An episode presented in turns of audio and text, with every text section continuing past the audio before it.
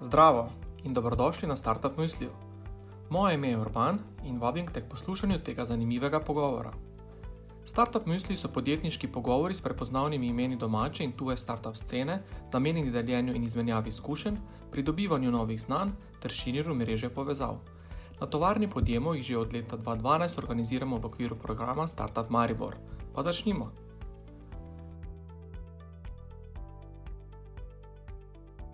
Dobrodošli na uh, Startup Mysliju. Uh, poimenovali smo ga Vodenje in strateško kadrovanje.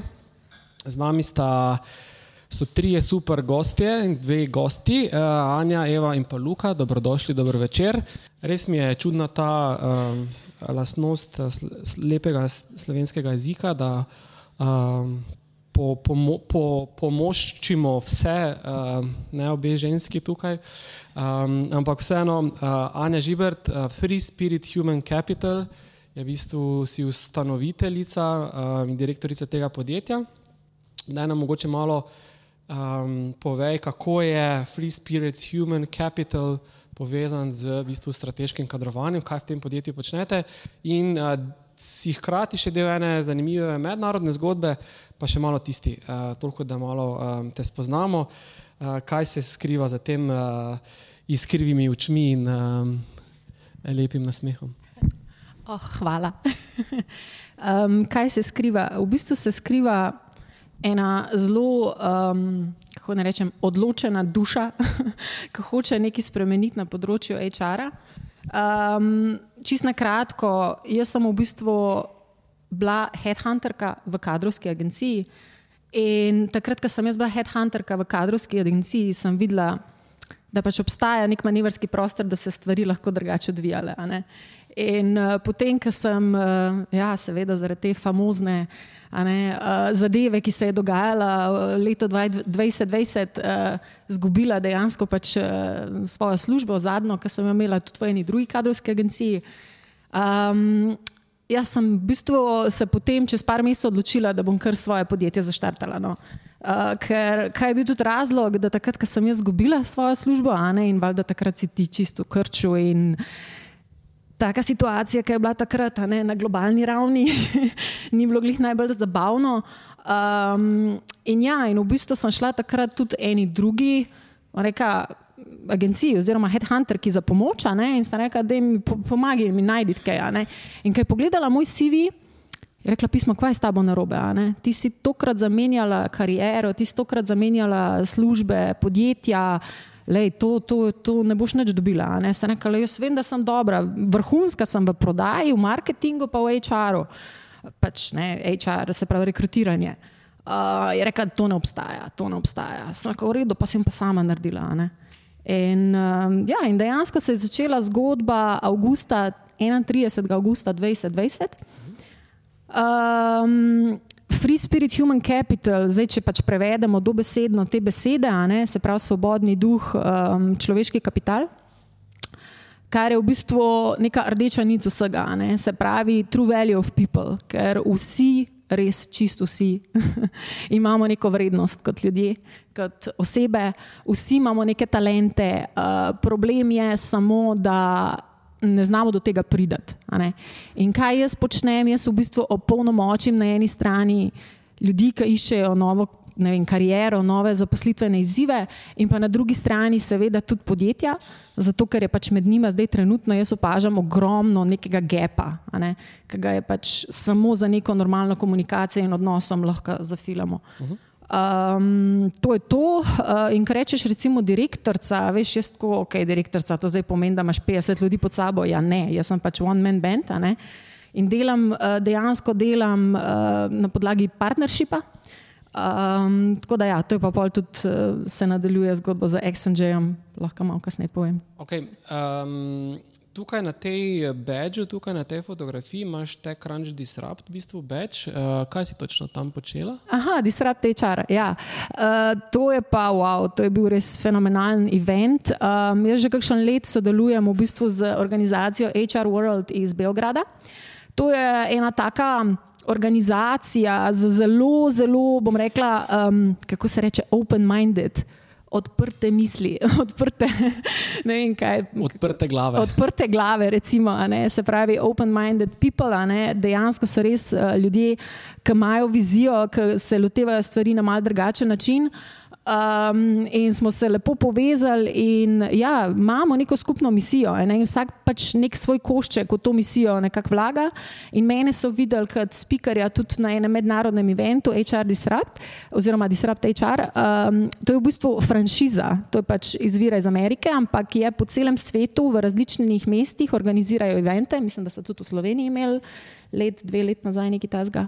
Um, no, in mene so pač povabili v Beograd, bila sem uh, med 15 speakerji iz cele Evrope, full zanimiv challenge. V bistvu je bilo petminutni power speech, s tem, da si bil res 400 ljudi, je bilo pred tabo, pa tako na 20 sekund so se menjali slidi.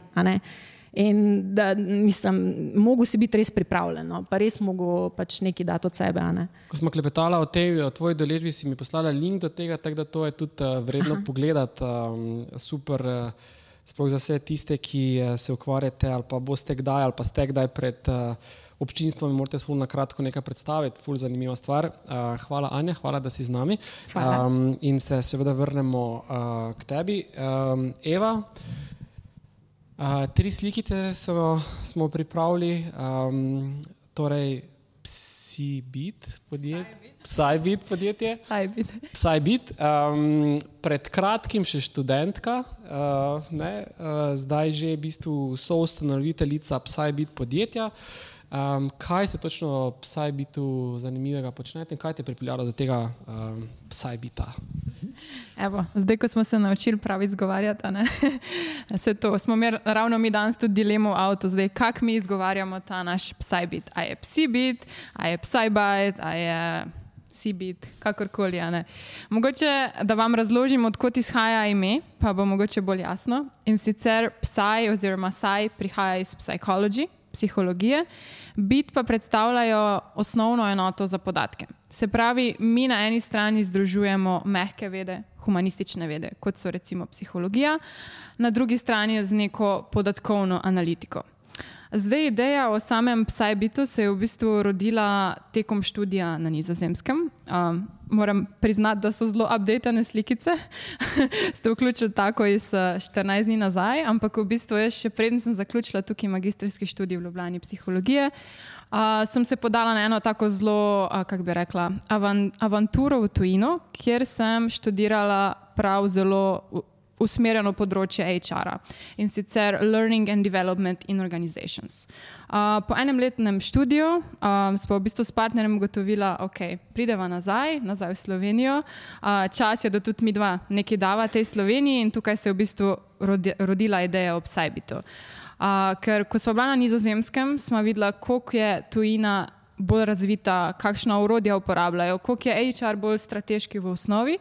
Uh, in jaz, kot nekdo, kot študentka, asistentka v različnih kadrovskih agencijah, uh, različnih podjetjih, ugotovila, koliko imamo tukaj še enih priložnosti izboljšav.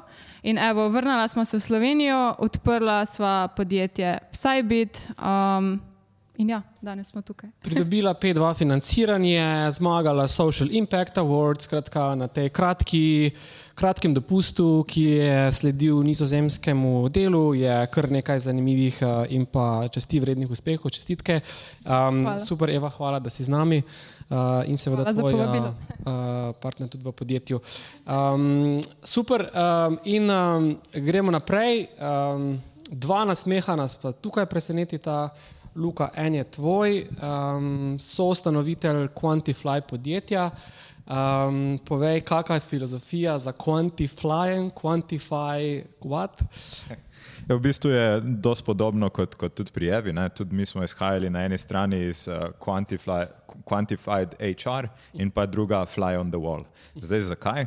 Z, ja, fly on the Wall, dejansko kot nek uh, tihi opazovalec, ki vidi, kaj ljudje v resnici se pogovarjajo o njem, ko ga ni. Ne? Ker takrat smo izhajali iz tega, ne?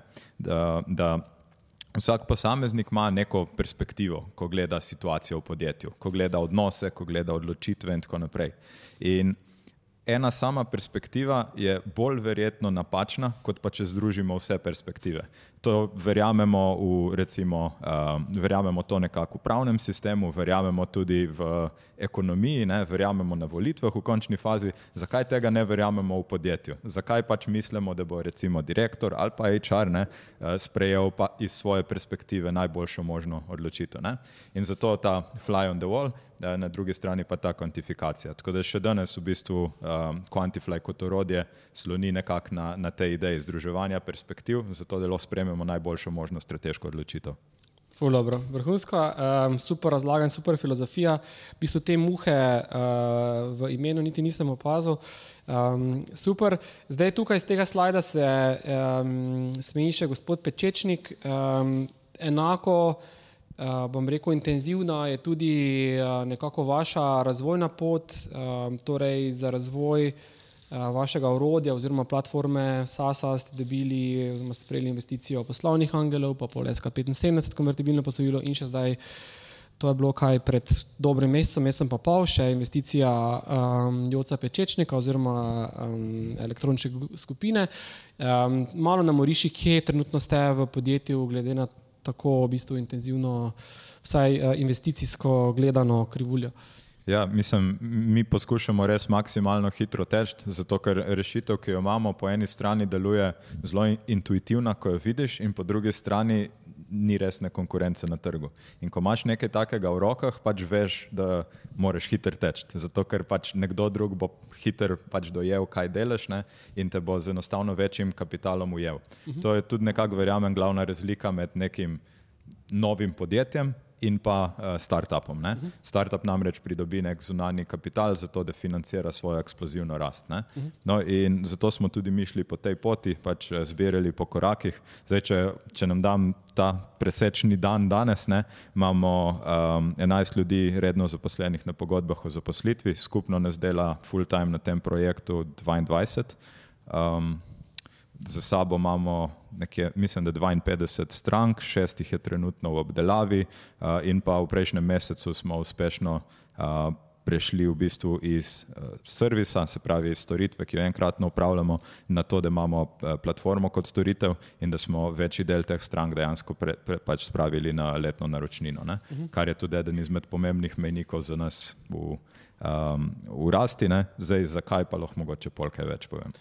Torej, yearly recurring revenue, svet igral, uh, SAS uh, podjetje, super.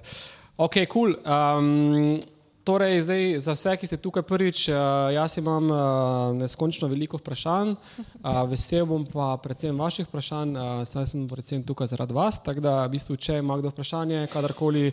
Uh, prekinite, dvignite roko, če vas ne opazim, zakričite, um, da lahko odgovorimo vaše vprašanje.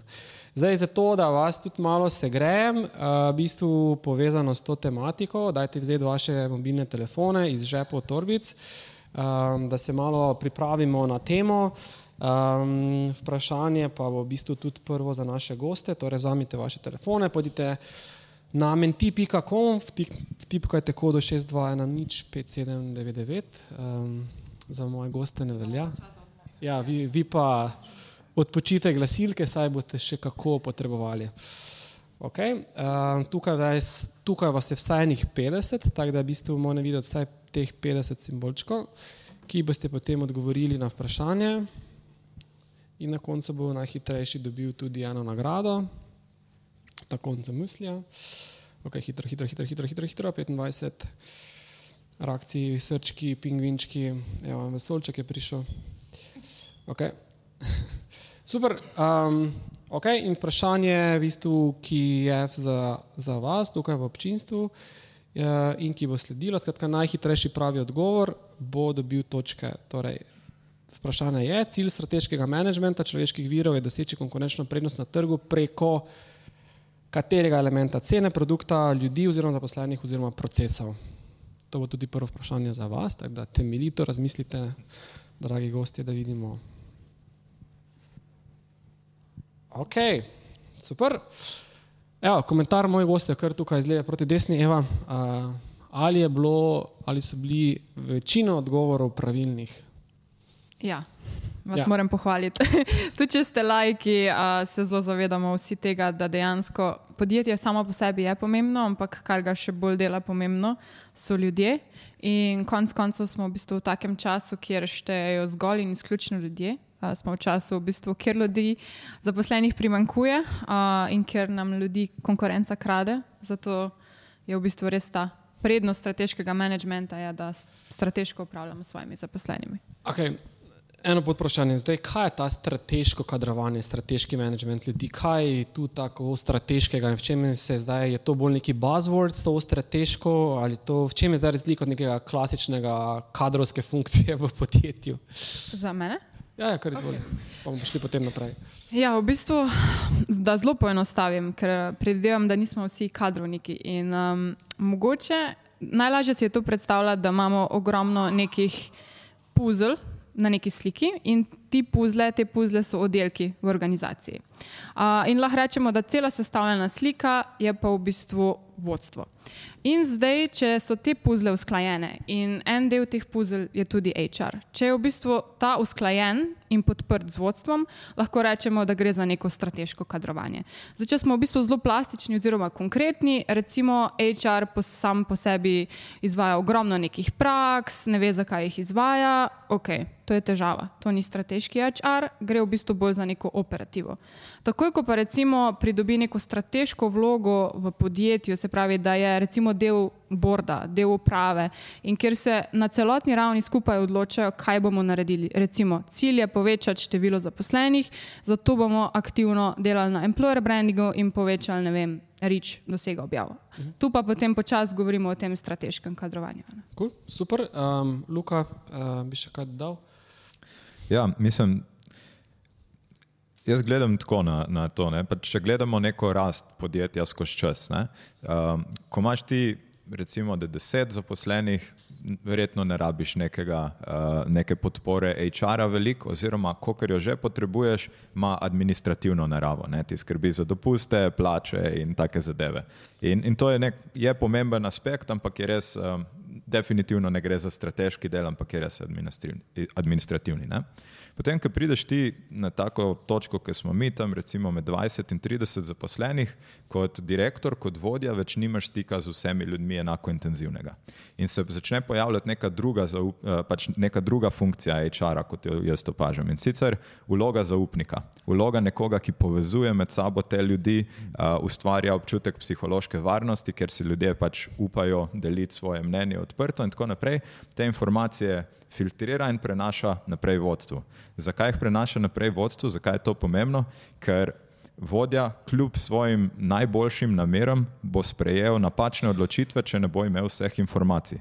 In zato je ta uh, vloga HR-ovca kot nekega povezovalca in zaupnika zaposlenih lahko tukaj ful, ful pomembna v takih podjetjih. Zdaj, ko greš še par korakov naprej in podjetje vem, zraste na prvih 100 in več zaposlenih, ne, tukaj se pa začne uh, funkcija HR-a že zmer bolj premikati v strateško. Ne? In tukaj pa potrebujemo nekoga, ki tudi procese implementira. Zato, ko ste prej tisti, ki ste odgovorili proces, ne, uh, ni recimo najbolj pravi odgovor, ampak se mi pa zdi zelo pomemben odgovor. Ne? Zato, ker zato, da ti prihajaš do pravih odločitev, rabiš informacije. Zato, da informacije imaš, pa rabiš pač ustrezne procese. Ker ne moreš več računati na to, da bo en zaupnik zdaj med temi sto ljudmi vedno najdu mnenja, pa da ne bo imel um, nekako s svojimi osebnimi preferencami obra, obarvane perspektive in tako naprej. In rabiš pa še vedno ti kot vodja svoje informacije za odločitev. Ne? In tukaj bi rekel, da se začne ta prehod v strateško, um, strateško vlogo HR-ja. Uh, s časoma pa moramo vedeti, da HR vedno bolj prevzame funkcijo vodenja podjetja tudi.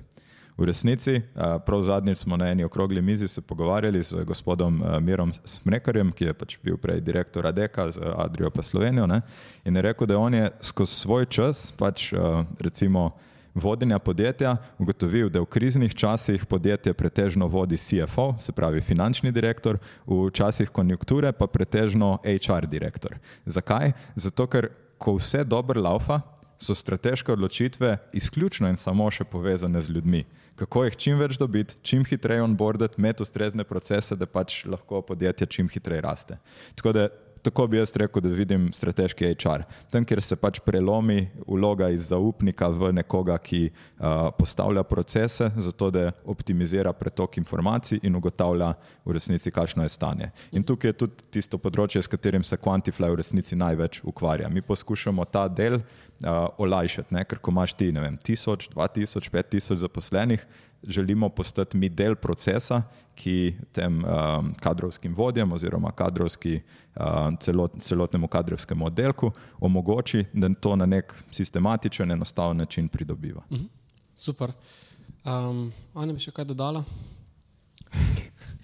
Um, Nehvaležno ne, tretje, ne, tretje, ne, ne, tretje ne. mesto za komentiranje. Um, veš, um, v bistvu tako le bom rekla. Jaz bom odgovorila na to vprašanje v skladu s paradigmo uh, katero, pač v kateri nekako delujemo, ne? uh, na podlagi svojih lastnih izkušenj. Ker bo mogoče, tako, ne, za nekoga bo to čist kontra vsega, kar ste recimo Eva pa Luka rekli, ampak to so moje izkušnje. In tle sem recimo zato in na vseh teh eventih tako, da pokažem, da lahko je to drugače. Tako da ta paradigma, se pravi, learn, unlearn, relearn, se pravi, nekaj, kar se, si se naučil, bodi pripravljen se to tudi odučiti, pa sprejeti nekaj novega, kar postavi čisto vse na glavo. To je ful težko, ampak dejansko v zadnjih dveh letih smo že marsikaj dokazali. Tako da prva stvar, kar bi želela reči, je, da po mojem mnenju ti ne moreš upravljati človeških virov, ti ne moreš upravljati ljudi, ti lahko upravljaš samo vloge v podjetju. Ljudi se ne da upravljati. Ker um, ljudje so v bistvu avtonomne celice v podjetju, ne, vsaj mogle bi biti. In um, dejansko, jaz če povem, recimo, lahko pol mogoče malo razložim, kako je v bistvu prišlo do te zgodbe z Exxonja. Ampak jaz v enem letu uh, nisem imela enega papirja v roki, da bi bila neka administrativna funkcija. Ne pa sem strateško, ker sem del menedžmenta in ustvarjamo in skupaj kreiramo, in to so res, mislim, res so kul cool zadeve. Ampak dejansko to prepričanje, da v majhnih podjetjih, da ima HR administrativno funkcijo, je popolnoma zgrešeno. Oziroma, ni zgrešeno, tako bom rekla, obstaja nek standard, ki vsi verjamejo, ampak kažemo, da je lahko tudi drugače. In dejansko, kaj mi verjamemo, kaj jaz verjamem, da ti enkrat na začetku postaviš neke temelje, da ti enkrat na začetku postaviš neko kulturo, ne, da dejansko HR kot tak, ki v by the way ni human resources, ampak je human relations, ne, to organsko se samo odvija. To se dejansko samo odvija. Res, mi smo pač ena punca, je, je res za administracijo, pa imamo outsourcing in tako, ampak jaz sem dejansko tam HR tribe leader. Kar pomeni, in preden sem jaz začela sodelovati z Exxon James, sem rekla, jaz grem sam, ok, gremo v sodelovanje, ampak samo pod pogojem, jaz sem si sama to ustvarila, HR tribe leader. Kaj to pomeni? To pomeni, da dejansko ustvarjamo nek tribe, to pomeni, da imamo neko isto miselnost, to pomeni, da bomo tudi rekrutacijo izvajali na tak način. V glavnem, strateško pomeni takrat, ko ti gledaš v prihodnost. In ti moraš gledati v prihodnost že na začetku. Ne, ne moreš ti v bistvu iz danes na jutr. Tako da to strateško upravljanje mislim, eh, človeških virov, to je en tak eh, izraz, ki bi ga jaz dala na smetišče zgodovine. In dejansko je čas, da malo začnemo se drugače izražati. No? Ker vsi, ki veš, pač slišijo neko besedo in HR, oh, human resources, človeški viri, upravljanje, management, ni tako, no? lahko je tudi drugače. No, ena izmed uh, tvojih tez v, tvo, v, v predavanjih je ravno to, da pač klasičen HR je mrtev in naj zaživi ta nov HR. In ti govoriš o tem, torej neki novi paradigmi, ki, um, ki, ki, ki nekako bolj uh, temelji na drugačnem ali pa drugih, drugih mehanizmih. Ne smem zdaj uporabiti besede upravljanja, ne, kar lahko upravljamo. uh, ampak v bistvu kaj, vodenja, uh, vodenja skupnosti, vodenja plemena. Kak, kak bi, kaj bi ti definiralo kot ta neka nova paradigma HR-ja? Mi smo se odločili, da je pleme, mi smo se odločili, da je trajpa. Ne. Sicer ima to ogromno nekih firm, se nismo edina firma na svetu, ki imamo trajpa. Ne. Ampak gre se predvsem za mindset. Ja, veš, marsikdo, ki prideš v podjetje, ima tam, ne vem, eh, ki prideš na, na, eh, na hodnik ne, in ima na steni napisane vrednote in ne vem, na polno pač razglabljajo, kakšna kultura je v podjetju, in potem vidiš, da je to v bistvu nič od nič. V bistvu, da, da to pač v praksi ne, ne živi, ampak je samo neka fasada, neka slika. Mi smo pa rekli, da je transparency, uh, open communication. Uh, v bistvu imamo tudi pač vsak, ki pride v Tribe, uh, podpiše tudi energy contract. Se pravi, tu imamo pač eno, neka varianta um, pogodbe o zaposlitvi, obstaja seveda ta pravni dokument, pa imamo pa pač en dokument, ki smo ga sami naredili, Tribe Manifesto, in je noter vse, kako bomo mi drug drugega respektali, kako je to pač povezava med umom, med srcem, med, uh, vem, med dušo, ne, uh, uh, body, uh, sustainable spirit in tako naprej. V glavnem, mi smo to sami ustvarjali ne? in nam je bilo kul cool. in v tej smeri zdaj pač delujemo. Zdaj, ste, pa še to bi povedala, jaz recimo, ker sem zdaj v Bruslu ne, dost, um, in se povezujem s podjetji, um, ki imajo, in to so recimo start-up hubi ali pa ne vem, različni lastniki podjetij in tako naprej. Ta paradigma ni nič novega. Um, ampak od njej se ne govori. No. Jaz pa si tudi nekako um, zauzemam se, da bi tudi v Sloveniji nastala dva standarda. Se pravi, ne da bi samo slepo sledili nečemu, ne, kar se o čem se govori že 20 let, samo malo, malo zapakirali, malo drugače, eno novo pentelco, e, zdaj pa to neki noga. Ja, ni, ne. Ne, mi, ne hoditi naprej, ne iskati neke rešitve, ne iskati ne vem, obliže, da boš ti zakrpo to rano, ti pet nazaj, ti pet v odnose, ti pet v dinamiko, neki, kdo lahko skupaj funkcionira, kdo pa ne. -huh. Tako da na tem temelji. Cool. Super, hvala. Izvoli. Uh, ja, mogoče tukaj, tukaj bi dodal prvič, zato, ker se zelo veliko povedanega res uh, globoko strinjam in tudi uh, prepoznavam tudi sam pač to težavo. Uh, pogosto tudi mi, ko se pogovarjamo pač, uh, s, sploh z velikimi korporacijami, ne, slišimo, ja, mi pa zdaj delamo na naši novi viziji, bomo mal spremenili našo kulturo. Aha, in kje ste začeli? Pri vrednotah, te so najbolj pomembne. Ok, super, kaj pa bojo vaše vrednote? Si vam zmislil eno kratico, ne vem. ŽKJ in potem iz te kratice, ki je ime podjetja, oni izpeljejo svoje vrednote. Ne? Mi smo pa željni, pa ne vem, kreativni, pa ja, ne vem. Karkoli že bi lahko bil. Ja.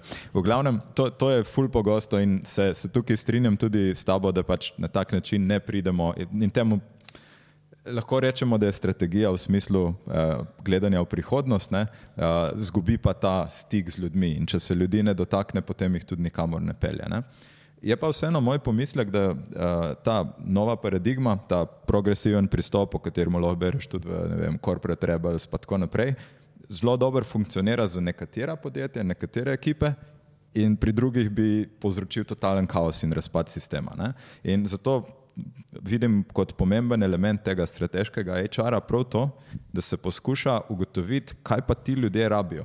Kot si rekla, ne, ne moreš upravljati z ljudmi in spremeniti, ok, ti si prej, ne vem, 1,65 m visoka rjavolaska in najbolj nadarjena si za vem, analitične stvari. Ne? Zdaj pa jaz hočem, da se spremeniš, no zdaj naprej boš najboljši komunikator in visoka už 1,80 m. Pač ljudje, ljudje imajo neke svoje prednosti, slabosti, lastnosti in tako naprej. Ne?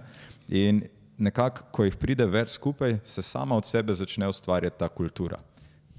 In prepoznavanje in usmerjanje in pa prilagajanje notranjega dela, kako se ta kultura kot nek DNK podjetja izraža v dejanskem podjetju in sistematično raste v pravo smer, to bi rekel je po mojem mnenju esenca tega strateškega HR-ja. In v nekaterih primerjih pač zgleda to strajbi, ne, kar je super, v nekaterih primerih pa zgleda kot Toyota, zelo hierarhično in tako naprej. Verjamem, da tudi ljudje se najdejo ali pa se ne najdejo v neki kulturi. Ne. Je pa zelo pomembno tudi, kar, kar Eva nekako dela, ne, da potem to prepoznaš in ko iščeš ljudi, jim znaš povedati črno na belem, lej, mi smo pa kot Toyota, če bi rad imel ti tribe, pa je na drugo stran. Hvala, Luka, v bistvu, eh, da prevzameš vlogo moderatorja. Jaz sem počasi kar tam presedel, prva vrsta. ne rabimo te več, urban. uh, super, uh, super komentar uh, in uh, naslovil si v bistvu, da se začne tudi pri tem zajemanju talenta, izbiranju pravih ljudi In tukaj uh, nekako pride v igro predvsem uh, vašo, vaše urodje. Um, um, povej mi točno, kaj je nekako naloga vašega roda, kaj je dodana vrednost, pa v bistvu, kje ste našli vi nekako mesto pod soncem v tem poplavi različnih orodij, platform, um, pomočnikov, asistentov za kadrovanje. To, to je res v bistvu. Uh, Rdeči ocean, če se izrazim po, po strateško. Ja, ker globok je, globoka je ta voda. V bistvu mi smo naredili digitalno platformo za zaposlovanje. Lahko rečemo, da je digitalni e-assistent ali pa zaveznik pri zaposlovanju. Zdaj, kaj ta platforma pa v bistvu omogoča? Uh, je pa ravno to, kar ste v bistvu naslovila in Luka in Anja, da si dve podjetji nista enaki. In v bistvu naša platforma ima neke module oziroma neke gradnike, ki pa jih lahko mi, glede na popraševanje oziroma potrebe podjetij, enostavno prilagajamo. Zdaj, kaj v osnovi pa ta platforma dela? Uh, v bistvu naslavlja več vidikov. Recimo, imate preveč zaposlenih, ne veste, koga zbrati. Okay. Ti časi so mogoče malo mimo, zdaj vsi vemo, da teže najdemo kader, ampak mogoče lahko to naslovimo iz drugega vidika. Se pravi, najdemo zaposlenega, ki bo pa najboljši fit za ekipo, ki se bo najbolje vklopil v kulturo in ki ima tudi največjo verjetnost, da bo ostal. Uh, ker v bistvu vsi vemo, da neka napačna izbira pri zaposlovanju in če ta zaposleni odide v prva pol leta, lahko tudi govorimo že v neki junior poziciji, tudi o dvakratnih stroških, zato ker pride do uvajanja, do vsega tega in kar za sabo prinese ogromno težav. Zdaj v bistvu Psyblit platforma a, pa vključuje štiri korake, ker v osnovi digitalizira in poenostavlja selekcijski postopek. Se pravi, kandidat a, dobi na začetku video intervju, se pravi, opravi video intervju in ko smo v takem času, kjer se vsem mudi, ne rabi on na drugi strani kadrovnika, ki bi ga v tistem trenutku spraševal, zakaj je zdaj najboljši fit za podjetje, ampak lahko enostavno ta kadrovnik ta vprašanja določi, lahko določi časovni razpon in kandidat se posname. Potem v drugi fazi pride v bistvu test v ujemanju vrednot oziroma kulture, to, kar je Luka naslovil. Mi dejansko imamo nabor nek spremenljivk, ampak na podlagi, ker ga mi ustvarjamo ta algoritem, ampak ta algoritem prilagajamo podjetju. Se pravi, mi gremo v podjetje, mi vprašamo, kaj je vam pomembno, koga si vi želite. Mogoče en zelo plastični primer, vprašamo podjetje, ali lahko delate od doma oziroma ali bo ta oseba lahko delala od doma. Podjetje reče, ne, mi ne dovoljujemo dela od doma. Isto vprašanje na drugi strani preko te platforme postavimo kandidatom, recimo koliko krat na teden bi si želel delati od doma in če kandidat reče vsak dan ali pa petkrat na teden, enostavno vidimo, da ne bi bil ta kandidat fit za ekipo. Potem v tretjem točki, oziroma tretjem eh, gradniku elementa, pride a, neke praktične naloge, se pravi, če v bistvu iščemo vem, vodjo marketinga, damo nek marketinški case noter, na koncu pa pride še do psiholoških testiranj, ker pa pogledamo, kako oseba deluje, kako se bo oseba uvedla na delovnem mestu, kako se bo vklopila, je konfliktna ali ni. In v bistvu vse to zapakiramo v eno tako platformo, ki pa je hkrati zelo prilagodljiva. Se pravi, nekateri naročniki si izberejo cel paket, nekateri samo video intervju intervju, gre pa v bistvu v osnovi za neko platformo, ki olajša in naredi izbiro novega zaposlenega bolj točno. Zdaj, mogoče eno kratko podprašanje. Zdaj, vsak izmed teh štirih elementov gotovo ima že neke konkurente na trgu, bodi si slovenske, bodi si na globalnem. Ne? V bistvu, kaj je neka vaša konkurenčna prednost v primerjavi z uh, orodji, ki ponujajo podobne stvari, da ne bom rekel uh, enakih? Zdaj v Sloveniji je v bistvu ponudba zelo omejena. Uh, v bistvu, ko pogledaš, kaj se nudi na področju selekcij in selekcijskih postopkov, zelo veliko še tudi zadeve niso digitalne. Zdaj, kje gre za neko digitalno stvar, kaj je pa zelo edinstveno, da v bistvu je produkt, ampak ta produkt se prilagaja naročnikom. Se pravi, lahko rečemo, da se za vsakega naročnika izdela nov produkt uh, na podlagi njihovih zahtev, algoritmov in je dejansko to res neka custom-made zadeva. Kaj pa mogoče še edinstveno? Uh, hkrati smo želeli ta selekcijski postopek in za podjetja, in za kandidate narediti bolj enostavne. Se pravi, recimo, vem, vi bi se prijavili na delovno mesto za vodjo prodaje v Špar in Pričakala bi vas platforma, ki je v šparovih barvah, šparovih logotipov in recimo vi kot kandidati na drugi strani sploh ne bi videli, da to izvaja nek zunani ponudnik, ampak bi rekli, o, koliko ima pa špar lep selekcijski postopek, pa me je tam nagovorila njihova kadrovnica in ne vem, se v bistvu oseba že počuti sprejeto, še predno je sploh prišla v podjetje. Aha, super, kul. Cool. Um, ali v tem, to mi se zdaj samo ena ideja podorila, ali tudi v tem video intervjuju analizirate mimiko, je kakšna umetna inteligenca, algoritem, ki že diagnosticira, uh, profilira. Za enkrat, če ne, okay. uh, je pa sigurno v planu. Okay. Uh, tudi to, recimo, avtomatsko branje življenjepisov oziroma to V bistvu, ja, trenutno še nismo tam kot mlado podjetje, ampak vizija je pa, da bi v bistvu bilo še bolj prediktivno, še bolj pametno, da bi tudi vključili druge kanale. Ampak ti pa res govorimo o ta pravi prediktivni analitiki in v bistvu kot mlado podjetje, v bistvu komaj ustanovljeno uh, na lastnih sredstvih z malo ekipo, pač še nismo tam. Cool.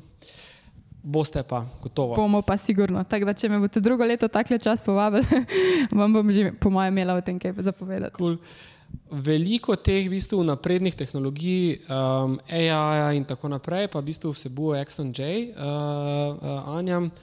Uh, večkrat, si jo, več, eh, večkrat si omenila to podjetje, skratka, gre za belgijsko podjetje, v katerem si ti, tako imenovana tribe leaderka. Uh, kaj je to podjetje? Če pogledaš njihovo spletno stran, uh, je zelo futuristično uh, zveni vse skupaj. Nam malo poveš več o tem, uh, kaj zanimivega in uh, prebojnega tam počnete. Ja, zelo zanimivo. Um, začnem najprej imeno, no? XNJ.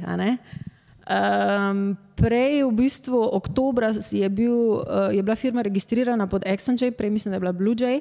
No, XNJ, kaj pomeni? Axon je ena taka nitka, ki povezuje dva. Um, dva živca, kako se na, ja, dva nevrona. No? Evo, um, in to je v bistvu um, tam, kjer se prenaša informacija.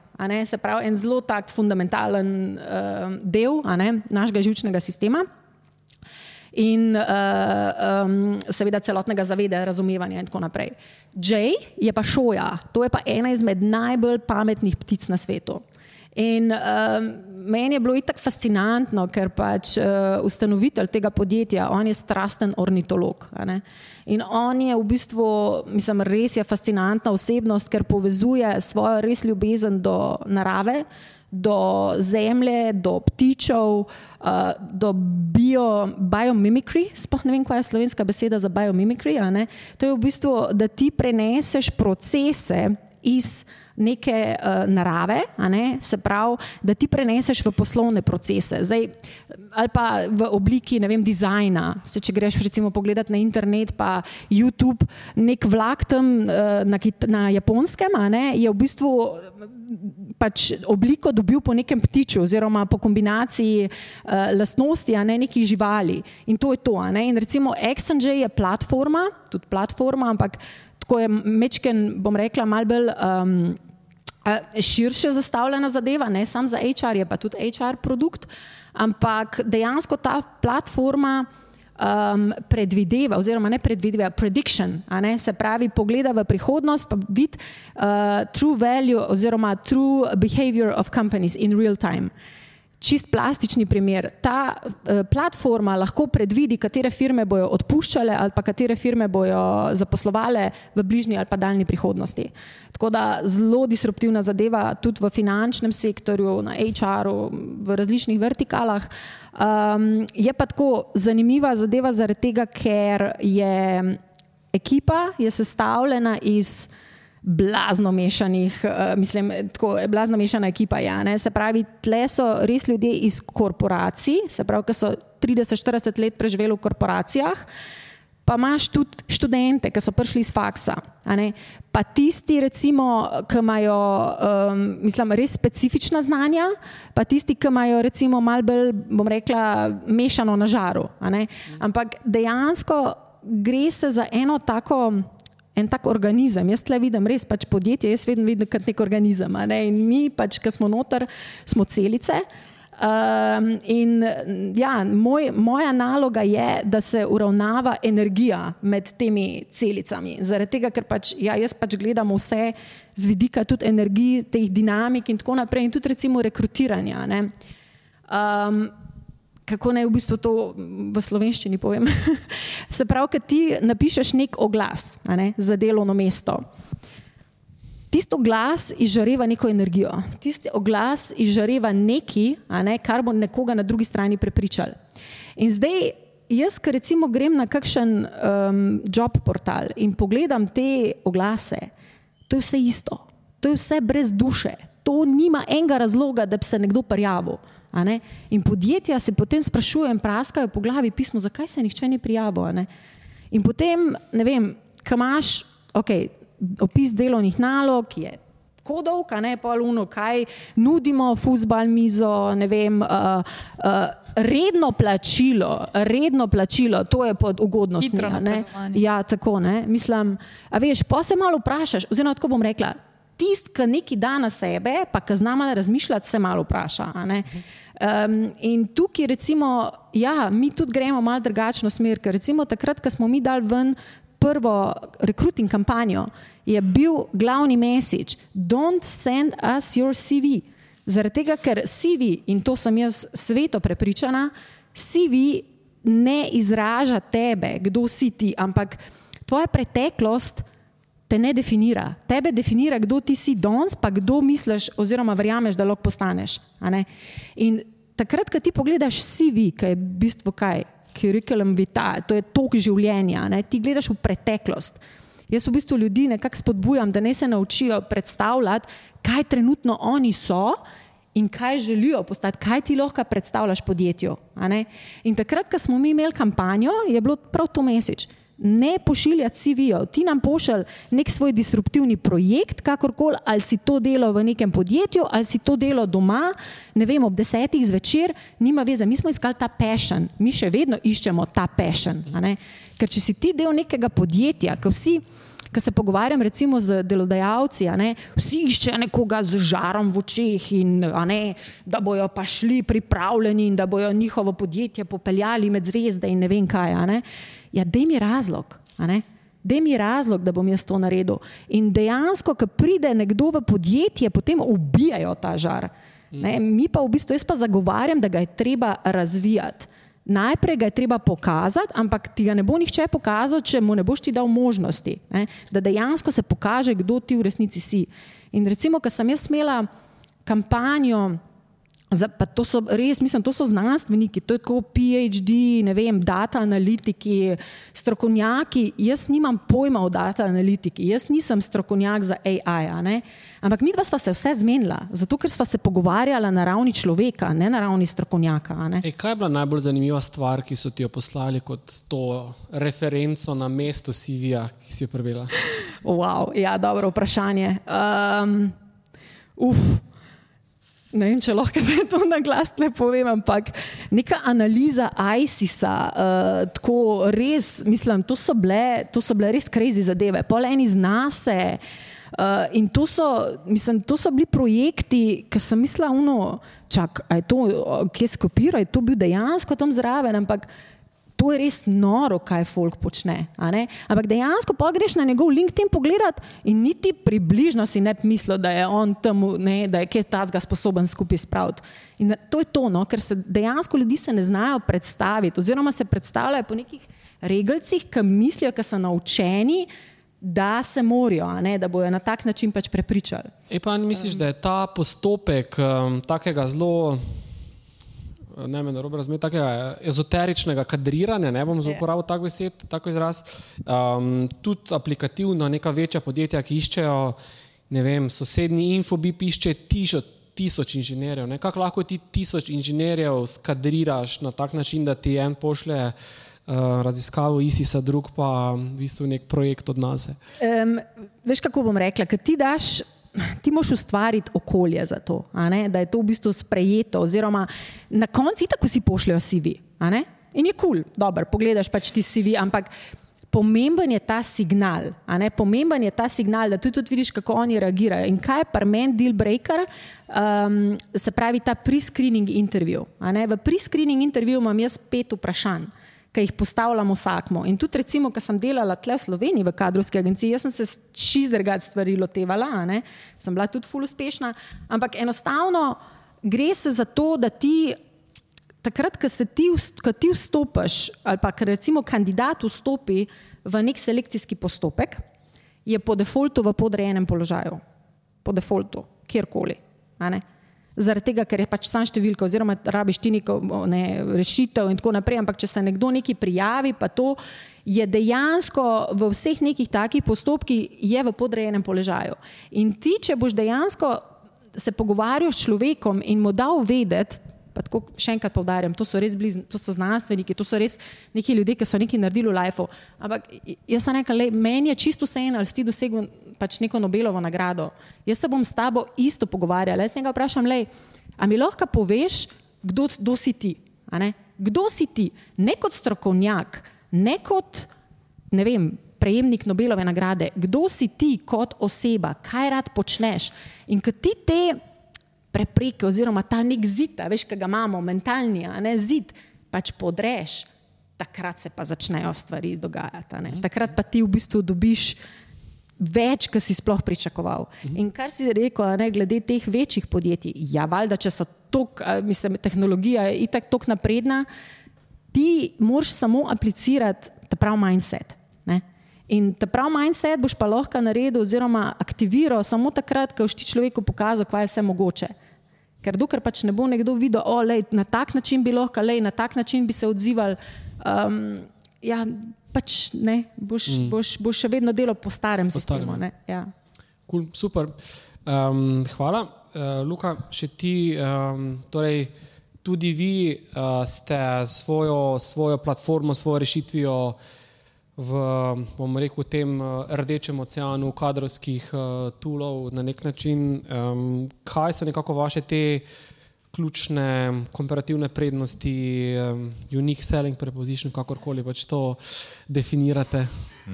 Ja, mislim, zdaj tako ne. Pač ta ocean je odvisno, uh, na kakšen način ga pač gledamo. Ne? In jaz bi rekel, da nimamo, mislim, nismo v istem recimo, oceanu kot, kot v primeru od, od Eve, ker pač se ne ukvarjamo toliko z rekrutmentom. Uh, če že naš uh, ocean se tiče bolj HR analitike, pa tudi tukaj bi izpostavil to našo diferenciacijo. Ne? Lete, ko govorimo o analitiki, ne, večinoma uh, tudi v HR-ju, analitika pomeni, da okay, imam nek dashboard, na katerem imam preglednico nekih kazalnikov, ki mi kažejo na to, kakšno je stanje v podjetju. Recimo, kakšno imamo psihološko varnost, kakšno imamo avtonomijo, kakšno imamo zadovoljstvo in tako naprej. Zdaj ta analitika je super, da jo imaš, ampak ti ne reši ključnega problema in sicer ne da ti odgovora na vprašanje, zakaj. Ja, mi imamo pa 67% zadovoljstvo uh, zaposlenih, kar je malo pod slovenskim povprečjem. Super, in zdaj? A, a vemo, kaj bomo glede tega naredili? Ne? In tukaj bi rekel, da je glavna razlikovalna prednost že v sami viziji Quantiflya, ker nas najbolj zanima odgovor na vprašanje, zakaj. Se pravi, mi, nam je cilj, da prepoznamo neke patološke vzorce, ki se v organizacijah zgodijo. Če jih par naštejem, jih boste verjetno tudi pač prepoznali, sploh tisti, ki ste že delali v kakšnih večjih organizacijah. Ne? Imamo komunikacijske silose. To pomeni neke ekipe, ki med sabo ne komunicirajo. Tipičen primer je, da development se ne pogovarja s prodajo in posledično development razvija nekaj, kar se ne da prodati in prodaja prodaja nekaj, kar se ne da razviti in oni so na smrt skregani, zato ker pač ne komunicirajo med sabo. No, in naša glavna razlikovalna prednost je, da uporabimo pač nekaj novih pristopov, recimo sociometrijo, se pravi, reprezentiramo podjetje kot socialno omrežje in vidimo, kdo s kom komunicira in na kakšen način. Ne na, ta, ne na tak način, da bi jim gledali pod prste, s kom si izmenjujejo maile, ampak na tak način, da jih vprašamo taka vprašanja, na katere so pripravljeni odgovoriti. Kot recimo, Eva, s kom največ sodeluješ? Eva, s kom se najpogosteje zapleteš v konflikt? Eva, če bi ta človek manjkal tvoji ekipi, bi to definitivno opazila, ker bi ekipa slabše performala. Ne, in ko, ko Eva nabere te ljudi, ne, vidimo, kako se z njimi povezuje. In ko vidimo pač sliko iz različnih perspektiv, se nam kar zaenkrat začne izrisovati eno tako tridimenzionalno omrežje, ne, na katerega potem lahko vse te metrike apliciramo. In vidimo točno, da tukaj imamo en par konfliktnih oseb, ta, tukaj imamo recimo vodjo, ki mikromenedžira, tukaj imamo par komunikacijskih silosov in za prej omenjen primer. Najpogosteje ugotovimo, da je edini komunikator, ki je med obema, med prodajo in na drugi strani med, uh, Development. med developmentom, je največkrat dizajner. Ampak nažalost, dizajnerji nikoli nimajo pač powerja, ne? power ima CTO. In je treba potem pač CTO-ju to pokazati in mu reči, da kaj pa če bi mi naredili eno manjšo delovno skupino, ki bi delala product development in prioritizacijo in se usklajevala pač s prodajo, vodi pa ne to dizajner, ne CTO. CTO se bo ukvarjal s tehnično rešitvijo, oni pa ne se ukvarjajo s produktnim razvojem. Mm. Tipičen tak primer, ki se nam je ponovil vsaj sedemkrat že. Mm, Kar je mogoče tudi zanimivo, podjetja se mi zdi v Sloveniji smo še vedno na tej točki, da mislijo, da se dela HR analitika, ampak v bistvu so samo neki upisni podatki. Recimo, jaz sem prav na to temo delala magistrsko nalogo in jaz nisem mogla verjeti, a delate vi HR analitiko? Delamo, delamo, pa pa upišem stopne, pa jih vprašam, na kateri stopni smo. Ja, imamo tak procent fluktuacije, pa tukaj imamo uh, full-time employees, bla, bla, bla, bla. In pa vprašam, kaj pa ostale stopne, a se vprašate, zakaj je iščete iščete vzroke, a prediktirate, kaj se bo zgodilo. Ne, to pa mi tega ne delamo. ja, ne, analitiko najpogosteje razumejo kot pač neki podatki o zaposlenih, recimo število bolniških, koliko si je že kdo izrabil dopusta. Pač le je super, ampak to, to ostaja na unem ad, administrativnem aspektu, ki smo se prej pogovarjali in ta ni nepomemben. Pač to je tudi treba med, zato ker pač zakon je zakon in velja za vojaka in moramo pač se ga držati. Ne? Ampak od tukaj naprej je pa še cela pot, o kateri veliko eh, velik govori tudi eh, Anja. Ne? Ampak da do tam sploh pridemo, moramo začeti na eni strani razmišljati drugače. Jaz verjamem, da se tega lahko lotimo tudi sistematično, brez da bi ubili ta free spirit. Ne. Dve hitri vprašanje. Eva, ena zate, zakaj, zakaj si se lotila rekrutment dela tega HR-ovskega dela, če si delala v bistvu magistrsko iz v bistvu kvantificiranja pa merjenja? V bistvu, um, zdaj, zakaj sem magistrska ali zakaj smo s Psybitom začeli? Zakaj Psybitom v bistvu na drug del procesa, uh, katerega se je raziskovalo v magistrski? V bistvu, ko smo prišli nazaj iz uh, tujine, smo rekli, okay, kje bomo zdaj začeli v tej poplavi izzivov in smo rekli, ok, rekrutment. Zakaj? Ker sem v bistvu sama delala v večjih teh kadrovskih agencijah podjetij in sem bila sama, ne, ne, ne, ne, ne, ne, ne, ne, ne, to bomo pa mi digitalizirali, izboljšali, naredili bolj prijazno uporabniku. Uh, zdaj pa v bistvu, zakaj ta tema uh, iz magistrske? V bistvu moja mentorica je bila tak, Eva, zberi si, kaj bi delala, in pa je Eva razmišljala, kaj bi Eva počela. In v bistvu to, kar sem raziskovala, zdaj, če vam povem ta dolgi naslov, vloga analitike pri razvoju področja strateškega upravljanja s kadri. Ampak kaj nas tu v osnovi zanima? Velik del magistrske je šlo na ugotavljanje stvari, kako lahko mi napovemo predikcijo zaposlenih, kako lahko spremljamo, ker to je v bistvu tudi ena izmed komponent, ki jo želimo v prihodnosti vsaj bitom nasloviti. Trenutno smo se lotili rekrutinga, želimo pa dejansko spremljati um, zaposlene v podjetju, napovedati fluktuacijo in recimo naša želja, ja bomo videli, če bo to izvedljivo, pač ustvariti orodje, ki bi dejansko pokazalo, evo ta špela iz marketinga ima pa tako pa tako verjetnost, da bo odšla v naslednjih treh mesecih, v naslednjih pol leta, v naslednjem eno leto. Ne. In dejansko ta raziskava je v bistvu neka zasnova, vse slovenska študija, pridobila sem podatke, da jih bom mogoče enkrat lahko uporabljala na ta način. Cool. Luka, ja, mogoče zanimiva anekdota. Ne, se sliši, o, ona je pa študirala, pa delala diplomsko točno na tem področju, ki se zdaj vi ukvarjate. Ne. Pač mi dva zevo se v bistvu poznava odprej in tik preden je štartala podjetje, smo jo dejansko hoteli rekrutirati. Na, na srečo ali pa na našo žalost se je pol odločila za samostojno pot, ampak tako, sam da veste, pač Slovenija je majhna in je zato še toliko bolj pomembno, kar Anja pravi, to, da se pač posvečamo relationshipom in, in pač ne požigamo mostov za sabo, ker nikoli ne veš, kdaj boš. Kdaj boš se spet srečal s temi ljudmi, pa lahko pač nekaj skupaj narediš, če si pa skregan, pa ne boš, pa pač mm. ta oba zgubila. Mm, mm, super. Že, Anja, ja, v bistvu, kar se tiče rekrutiranja, se ne vem, eh, je bilo to v bistvu tudi vprašanje. Um, Tale debata je, v bistvu, fajn je, no, da damo neko podlago, ne, na podlagi česa v bistvu jaz sploh delam to, kar, kar pač počnem. Um, a ste vedeli, da smo v bistvu res vsi povezani med sabo? Pa ne samo v tem energijskem smislu, ampak dejansko, če pogooglate, ne, je bil en eksperiment, mislim, da je celo Slovenc sodeloval zraven ne, na tale uh, University Stanford. Uh, so naredili en uh, eksperiment in je, so prišli do zaključka, da je vsak človek povezan z enim drugim človekom preko šestih kontaktov. Se pravi, recimo, ti, ne, si povezana z ne vem, Elonom Muskom preko šestih kontaktov. Ne, še posebej, kar pomeni, da ti imaš okrog sebe nekaj ljudi In nekdo iz tistega kroga je z nekom drugim povezan, in tisti je z nekom drugim povezan, in tisti je z nekom drugim povezan. Veš, in to dejansko mi, um, kako naj rečem, pa ne zdaj, da, da grejo skupaj na pijačo, ampak na nek način, mogoče to na LinkedIn, ne vem, karkoli, ampak to je bilo dejansko dokazano. In socialni mediji so to številko še znižali, 3,5 ali 3,6.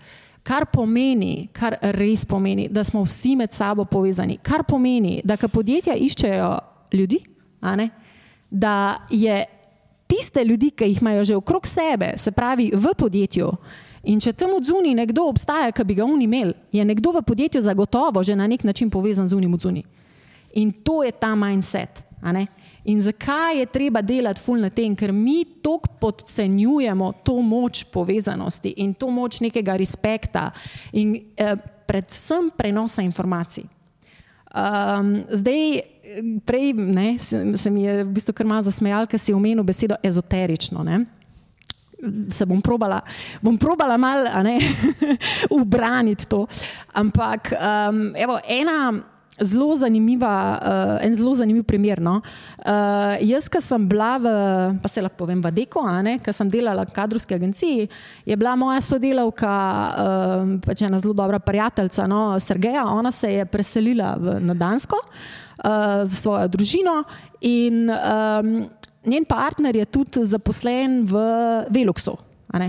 In uh, jaz sem vedela, kaj se tam dogaja. Tam so zelo, zelo, res zelo napredne pre- prakse. ne. In smo tudi pač, uh, povabili, uh, njega smo povabili kot gosta uh, na en event, ker pač mu rečemo, mi imamo take, uh, bom rekla, enlightened ali pa ne vem, insightful days, ki pač zanimive goste povabimo v XNJ-ju in dejansko, da prenašajo potem te prakse in informacije. In um, management v Veluxu, ne, na Danskem, uh, je najel spiritualnega koča. In kako je to izgledalo? Je rekel Anja, ker smo se mi tam dobili in so bili odrasli možje z dekcami v roki in so šli v en kot in so začeli jokati. In to, to se sliši smešno, ampak ko se začnete malo poglabljati v te stvari, je to tako transformativno in um, jaz ne bi to podcenjevala. No. In tudi recimo, da lahko, evo, bom jaz to kar tako na tapeto gor obesla. ne, Uh, veliko, velike vodi v Sloveniji, velike podjetij v Sloveniji, ki se direktorji udeležujejo raznih retritov, uh, imajo različne prakse in načine, da uh, seveda, bom rekla, da uravnavajo nivo stresa v svojem življenju in tako naprej. No, jaz se tudi zauzemam, da to pride do ljudi, do zaposlenih. Zaradi tega, ker ni treba, da, s, da, da so vse te um, res, res, res koristne prakse dosegljive samo nekomu tam gor, a ne? ampak to pač generalno mora biti dostopno. In to je tudi recimo moj mišljen. In kar se tiče teh, um, ja, vse je analitika, vse je super. To definitivno gre ro, z roko v roki. Ne? To ne moramo zdaj, to pa, to pa mora biti, to pa ne sme biti, to pa je ezoterika. Ne, to je vse z roko v roki. In potem, ko imaš ti, recimo, tudi v vsaki analitiki, vsaka številka, ki je tam noter, za tisto številko je človek. In za, to, za tem človekom ne, je v bistvu nekdo, ki igra neko vlogo v tvojem podjetju. In ne vem, kaj naj rečem, ali se dvigujem, se pravi nad vsem tem, ne, se pravi, da nek širši pogled, ali gremo globje. Ampak dejansko je neka perspektiva, ki je kar večkrat pozabljena. No? Mm. Jaz sem pa zelo glasna, da, da, da opominjamo na to. No? Tako. No, vse ta, v bistvu, ta ko- komentar na to ezoteriko v bistvu sploh ni bil uh, uh, pozicioniranje tega više ali niže. Ne. Gre samo za to, da je mogoče to perspektiva, ki je ne slišimo veliko krat, ampak je pa recimo pač prva asociacija na to vrsten ne, šamanski pristop je bil že v bistvu Phil Jackson, ki je ne, pripeljal Chicago Bulls do, ne, skupaj seveda z Michaelom Jordanom, kar nekaj zlatih prstanov. Uh, ampak v bistvu on je bil znan po tem, da so imeli um, pred treningi in tako naprej uh, šamanske obrede. V bistvu v, v, Vse tega je ogromno, samo Ja. ja. o tem se ne govori. Ne? ja. Ne, ker potem te take kot jaz v bistvu označijo za ezoterika. Tako da, um, cool. Brez Uh, dajte, uh, čas je kar, kar hiti, uh, slabih uh, ne pol urce še imamo. uh, 20 minut. Uh, kako vprašanje uh, se je pojavilo v tem trenutku? Mi smo se kar tu zakadili v eno smer. Ne vsi naenkrat. Ja, kar, kar, kar izvoli, Urška, uh, tu bi te samo prosil, da zagrabiš mikrofon. Um, Pa v bistvu za Evo prvo, um, kot se pravi mlado podjetje, kako pa skrbite za bazo? Kako skrbite za bazo kandidatov? Imate kako časovnico, v kakšnem času potem lahko zagotovite kandidate? Veš kaj je, v bistvu nismo mi kot recruiting agencija. Uh, v bistvu, kako trenutno delujemo, je recimo, vem, ti imaš svoje podjetje, ti daš v oglas in tebi se recimo prijavijo kandidati. Se pravi, izbereš jih sama, obdelamo jih pa mi. Se pravi, na ta način trenutno delujemo. Nimamo še vzpostavljene baze, ampak smo zdaj v zadnjem času dobili ogromno popraševanj in smo razmišljali, mogoče, da bi šli v eno bazo. Oblikovanja v bistvu tudi kontaktov. Se pravi, ker smo tudi razmišljali, da bi lahko pa tudi ne šli samo na podjetje, ampak da bi dejansko tudi mogoče začeli se pozicionirati tudi na posameznikih in bi jih vprašali, kakšno službo si želite, kje želite delati, in da bi dejansko pa mečali te posameznike s podjetji in na nek način, v bistvu na nek digitalen način, ne izpodrinali kadrovske agencije, ampak v bistvu headhunting agencije, ampak dost v bistvu in hitreje, digitalno in dosti ceneje zaradi tehnologije pač priskrbeli kandidate. super, hvala. Še kako vprašanje? Um, okay. um, hvala. Dobro. Mm, super, um, gremo še naprej. Uh, veliko smo govorili o tej v bistvu, kulturi, menjenju kulture. Uh, kako pa v bistvu te dve orodji ali pa uh, v bistvu kvantificirata kulturo, kako data tej kulturi neko v bistvu, uh, kvantitativno vrednost, uh, mogoče ta del? Ja, mislim, vsak pojem ne, ima neko definicijo, no kol ne tudi se lahko opredeli neke dimenzije. Ne. Pač to ni nič, kar v psihologiji ne bi poznali. Ne. In, uh, te dimenzije so, recimo, vem, kot sem prej omenil, psihološka varnost, avtonomija, um, potem recimo uh, progresivnost, uh, agilnost in tako naprej. Vsaka taka uh, dimenzija ali pa metrika se pač lahko izmeri. Ne? In potem pač pride nek set točk, bodi si, da jih je vem, 8, 10, 12. To je v veliki meri stvar resolucije, s katero želiš ti, ti to kulturo izmeriti. Ne? Lahko bi dal samo 4 metrike, lahko jih daš pač 64. Ne? V, v našem primeru imamo tam nekje 50 različnih točk, ki so potem uh, grupirane in nam omogočajo v bistvu precej podroben upogled v tem, ja, v to, kako se ta kultura izraža. Zdaj, seveda, to ne zajame, ne zajame vsega, ne? Ne, ni, kako bi rekel. Treba je ločiti zemljevid od, uh, od tav. Ne? V smislu, mi ne moremo zajeti tako globoke esence, kot, kot pač govorijo ne Anja, ne? ampak lahko pa iščemo tako imenovano pragmatično resnico. Objektivna resnica je pač nedosegljiva, ker ne moreš nečesa, kar je uh, v nečesa, kar je v takem pač materialnem stanju, analognem stanju, čist digitalizirati, ne da bi pri tem en del informacij izgubil. Ampak pragmatična resnica je tista, ki ti omogoča sprejeti tako odločitev, da te vodi proti željenemu cilju. In to je tisto, kar mi zasledujemo. Ne? Tako da, če, če poskušam to vprašanje, mislim, ta odgovor skrajšati, pa povzeti, uh, bi rekel, da na podlagi razumevanja različnih aspektov oziroma dimenzij kulture uh, pripravljamo pač matrico, s katero se izriše zemljevid njihove kulture in nam omogoča potem uh, sprejeti neke odločitve, ravnanja, kako se mora ta kultura spremeniti, če želijo recimo ne vem, ohraniti zaposlene, če želijo recimo izboljšati njihovo zauzetost in tako naprej. Zdaj, ko si pri tej kulturi, pa spremembi kulture, najprej, Anja, začela si um, pogovor z eno tako zanimivo, um, zanimivo tezo. Ne? Moramo se znati ne samo naučiti, ampak tudi odučiti. Uh, ali se lahko odučimo kulture ali pa nekega vedenja? Več, mi želimo v podjetju, zdaj recimo iz perspektive nekega vodje, skratka, mi imamo kulturo, ki ni ustrezna ali pa ki ne želimo, ali pa ki ima komponente, ki jih ne želimo.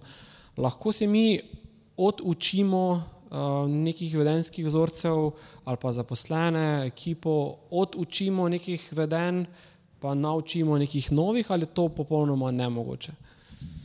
Nič ni nemogoče. uh, ja, definitivno se lahko. Sicer to ni lahek proces. In uh, kaj je treba? Treba se odločiti. se pravi, da se ti ločiš od nečesa. Ne? In takrat se ti odločiš, da boš nekaj naredil.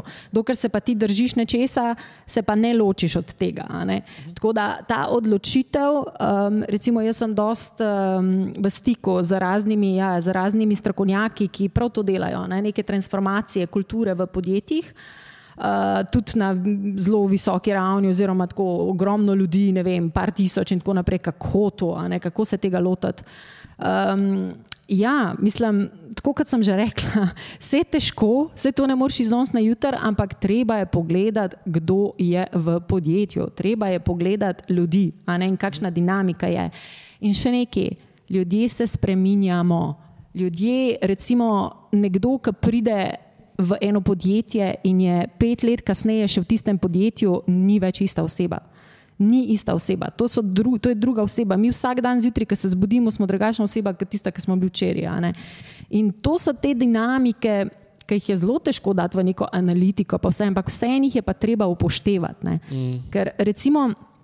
Kultura. Evo, mi smo pač naredili filter, ja, imamo tribe kulturo in imamo recimo eden izmed naših signature, ne, bom rekla, teh um, um, um, EVP-jev, se pravi, e, e, Employee Value Proposition, uh, je tudi, da enkrat na mesec se dobimo vsi v Bruslu. In se pravi, ker smo pač vem, iz sedmih različnih držav in se dobimo v Bruslu in smo skupaj v tem co-living spaceu. Se pravi, to je pač uh, eno stanovanje, uh, slash pisarna, ne vem, 500 kvadratov in tam noter spimo in jemo in delamo skupaj.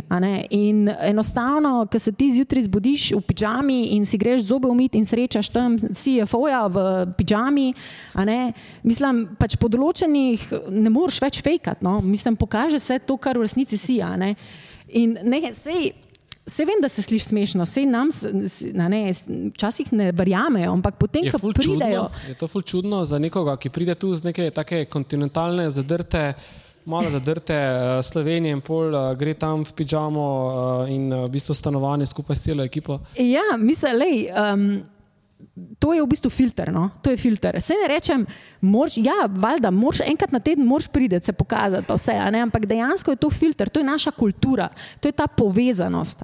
Zaradi tega, ker enostavno tle nima veze, kdo je direktor, tle nima veze, kdo je študent, tle, to je veze, kva mi skupaj delamo. Mi smo vsi usmerjeni v en cilj, to pa to bomo naredili in no matter what. In recimo takrat, ko imam jaz eh, pogovore, ne, valjda si mislijo, pa vi ste čisto sekani. Uh, ampak ja, nekateri so pa, lej, ja, super, gremo v to.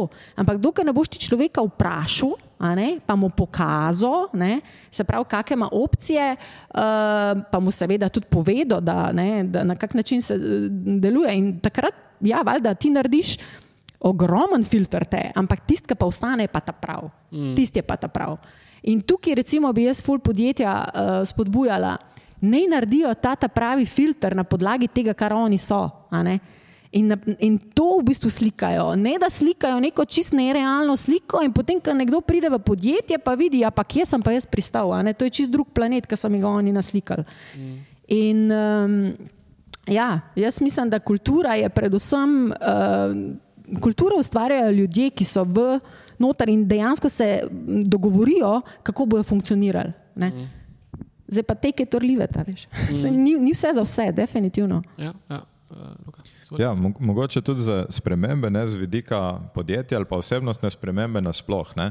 Ljudje rabimo druge ljudi. Uh, ne spomnim se sicer, čigav kvot je bil, ampak če človeka dovolj časa pustiš samega, bo sigurno znorel, vsaj v, v očeh ljudi, ki bi ga videli čez kajšno leto. Ne? Imaginarnega prijatelja si bo ustvaril. ali pa več. Wilson! Za tiste, ki ne poznate reference. Brodalo, brodalo.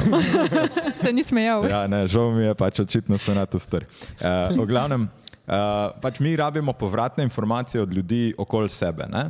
In uh, največkrat, na, mislim, nam prav zato, ker se gradi neka kultura, ne, v bistvu sama od sebe skozi čas oblikuje ljudi. Uh, pač ne, enaki ptiči skupaj lete, pa tako naprej. Ne vem, če ste kdaj slišali za uh, tale uh, curly fries fenomen, ne, kjer so uh, v eno firmo začeli prihajati sami izjemno inteligentni ljudje, oziroma izjemno inteligentni ljudje so imeli polajkano eno zelo specifično, dost random pač zadevo, curly fries. Uh, in potem se je pač raziskovalo, kaj kaj se je zgodilo, zakaj ta curly fries privlači tako inteligentne ljudi.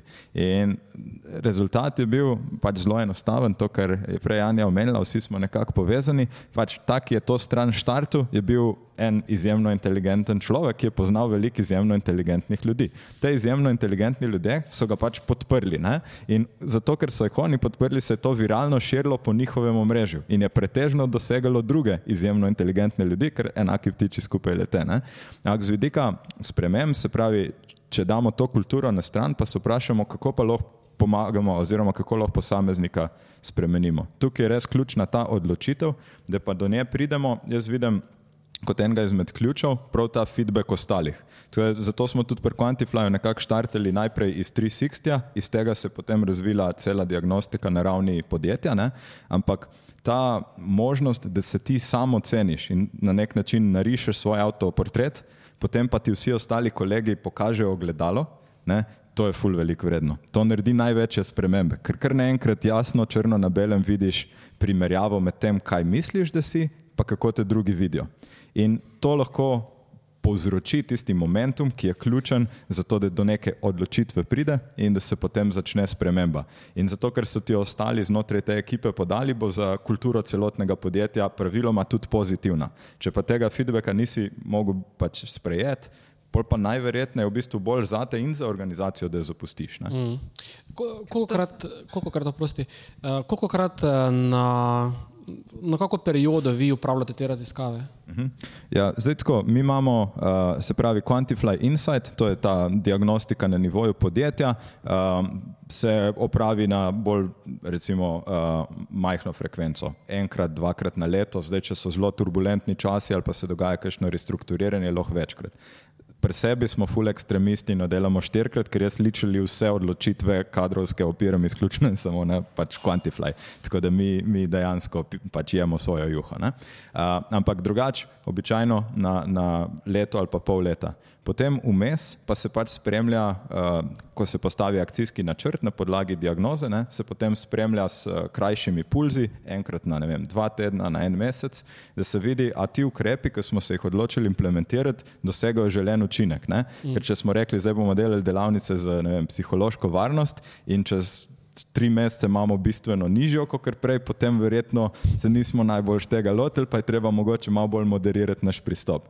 Če pa govorimo za 360, pa spet je smiselno nekje tam dvakrat na leto, ne? ker se sprememba se zgodi za človeka iz meseca v mesec, ne? ampak uh, dovolj je, če imaš nekaj pač takih presečnih točk. Mogoče še ena pač zanimivost, ker se mi zdi res zanimiva z vidika recimo naše kulture. Mi smo pa zase postavili v bistvu sistem, kjer se ljudje mesečno ocenjujejo drug drugega in je od tega deloma ali pa znatno odvisna tudi njihova plača.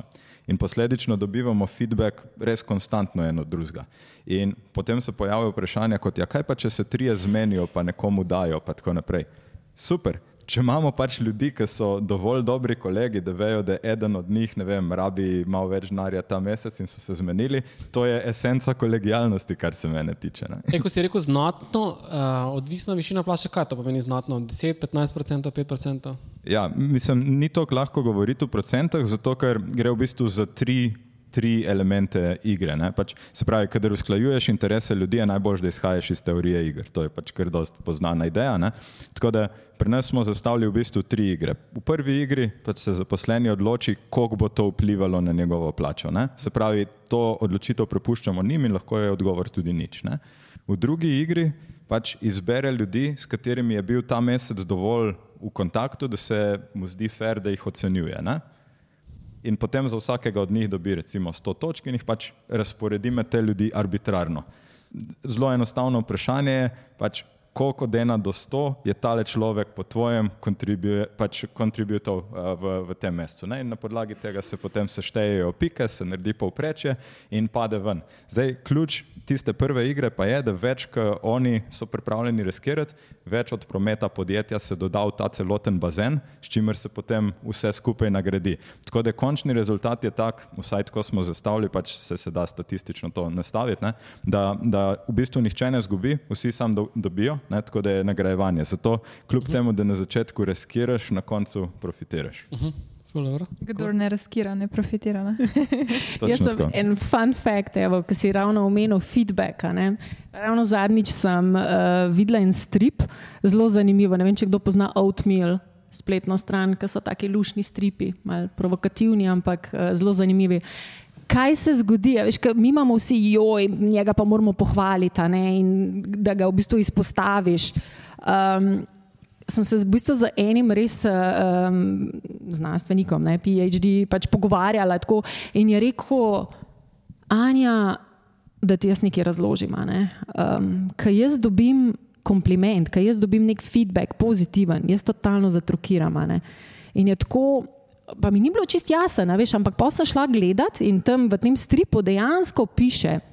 Pa ne zdaj, da ima on slabo samo podobo ali kakorkoli, ampak dejansko ti lahko človeku totalno, v bistvu negativno vplivaš na njega, če ga izpostaviš predvsem z, nekim, z neko pohvalo, z nekim komplimentom in on tega ni navajen. Ne? In recimo, prav je slikca, kaj se zgodi. Se pravi, en del možgan je prepričan, da pač je on kar neki, on je v redu, ampak nikoli ni bil, pač, ne vem, nikoli mu ni bilo rečeno, ti si pa zakon. In pol kar enkrat dobi to informacijo in pol je ta kreš dveh informacij. Ne? In dejansko to lahko vpliva tudi na delo. In, mislim, jaz sem bila prav frapirana, nisem mogla verjeti, ampak dejansko, če ti nekoga izpostaviš za nekim komplimentom in to javno ali pa ne vem, v ekipi, lahko več škode narediš, kot koristi. Prej se vpraši, pa vpraši jih, kako želite vi imeti ta recognition, se pravi javen ali zaseben, ali kaj ti je bolj. Ne, mislim, to je res ful zanimivo. Mm, mm. In ta feedback, recimo, zdaj dobro, če bojo pač izpolnjevali neke ankete, ajde super, ne? ampak tako, um, po defaultu je pa fajn to umetno. Prej sem te nevljudno prekinil po enem komentarju. Ja. ne, bila je neka replika oziroma dodatek na to, kar je Luka rekel. Ampak, uh, Verjetno v zvezi s 360, mislim, da si takrat. Ne, ali mislim, da je bilo sprememba. Ja, da v bistvu največja sprememba, ko jo naredimo, ali pa korak, kar se meni v bistvu zdi, je, da ti ozavestiš, da rabi spremembo. In se mi zdi, da to je včasih si najtežje priznati. In se mi zdi, tam, ko so podjetja že, o, mi pa rabimo nekaj spremeniti, kaj pa bomo in iščejo ponudnike, se mi zdi, wow, je to že največja sprememba, ki ste jo preseb v bistvu priznali, da ste v bistvu pogledali to slepo pego. Pa, če se navežem na feedback, da jim je ne vem, nekdo povedal, da so jedli krof in da imajo malo sladkorčka na nosu, in se mi zdi, da tam pa pol dosta lažje steče. Mm. Mislim, da je bilo to. Ja, super, hvala. Zadnja priložnost za vaše vprašanje, komentarje, izvoli. Tukaj, čakaj, ne, ne, ne, ne, ne moreš, samo prosim, ker drugače ne moreš biti tako glasen, da boš tudi posnet glasen. Skupaj, moj ime je Jurek, prihajam iz podjetja, ki je letos na trgu prisotno že 30 let, torej delamo nekaj dobro. Zanima me predvsem, da ni instant rešitve, ne? ampak v vsakem kolektivu se pojavi prezentizem. Mogoče to za vas, gospa Jesih, še najboljše vprašanje. Kako se soočati s tem, kako to probati preprečevati, ker iz uh, tega prezentizma vsekakor tudi pride potem do tiste odsotnosti absentizma. Mogoče je kak na svetu okoli tega. Prezentizem, absentizem, hvala. V bistvu eno vprašanje še za vas. A imate vezano karkoli na delovno uspešnost, ali če so ljudje prisotni, koliko imajo časa, bolniške, imate to kaj vezano na delovno uspešnost? Je vezano na delovno uspešnost, ampak so te nagrade zelo dobre, ne? ker gre v bistvu za trgovinsko branžo. Reč, mi se ukvarjamo s prodajo toplotnih črpalk, ogrevalnih sistemov, hladilnih sistemov in tako naprej, THS iz Maribora. Uh, so, bom rekel, tudi nagrade, dosti visoke. Ne? Če vzamemo povprečje nekje trgovske uh, ravni, ne? uh, so plače pri nas povprečno više za tudi do 70 odstotkov, ne? kar pomeni, da so naši delavci dobro nagrajeni, uh, ampak vemo, da plača do neke, do neke ravni je motivacija, naprej pa ne, ne. In ko so ljudje nekaj časa v podjetju, uh, tako da je rekla gospa uh, Žibert, ne, je tudi potem se ljudje spremenimo. Ne, in na kak način probati preprečiti recimo ta prezentizem, nastanek uh, odsotnosti na delovnem mestu, zniževanje aktivnega dela in uh, mogoče tu potem, kako to prepoznati in v začetku to probati preprečiti. Super, hvala. Zdaj, v bistvu, Ja. tako sem rekla, vi ste že zelo na dobri poti, ker ste priznali, da imate v bistvu mogoče izziv ali pa challenge z tem prezentizmom. ne. Zdaj pa mogoče en primer, kjer sem pač jaz delala. Um, recimo, ne vem, ali je zdaj podobna situacija, ampak šlo je tudi za finančno oziroma stimulacijo. V primeru, če nisi vzel bolniške ali pa če nisi bil na dopustu, si dobil nek dodaten bonus. Ali pa na letni ravni, recimo, če si bil bo- bolan manj kot pet dni na leto, si dobil ob koncu leta nek dodaten bonus. In to je ljudje takoj po defaultu um, spodbudili k temu, ok, malo kašljam, v redu, ajde. Pa mogoče časi pred korono je bilo še to malo drugače, ampak pa ja, malo me glava boli ali pa malo sem prehlajen.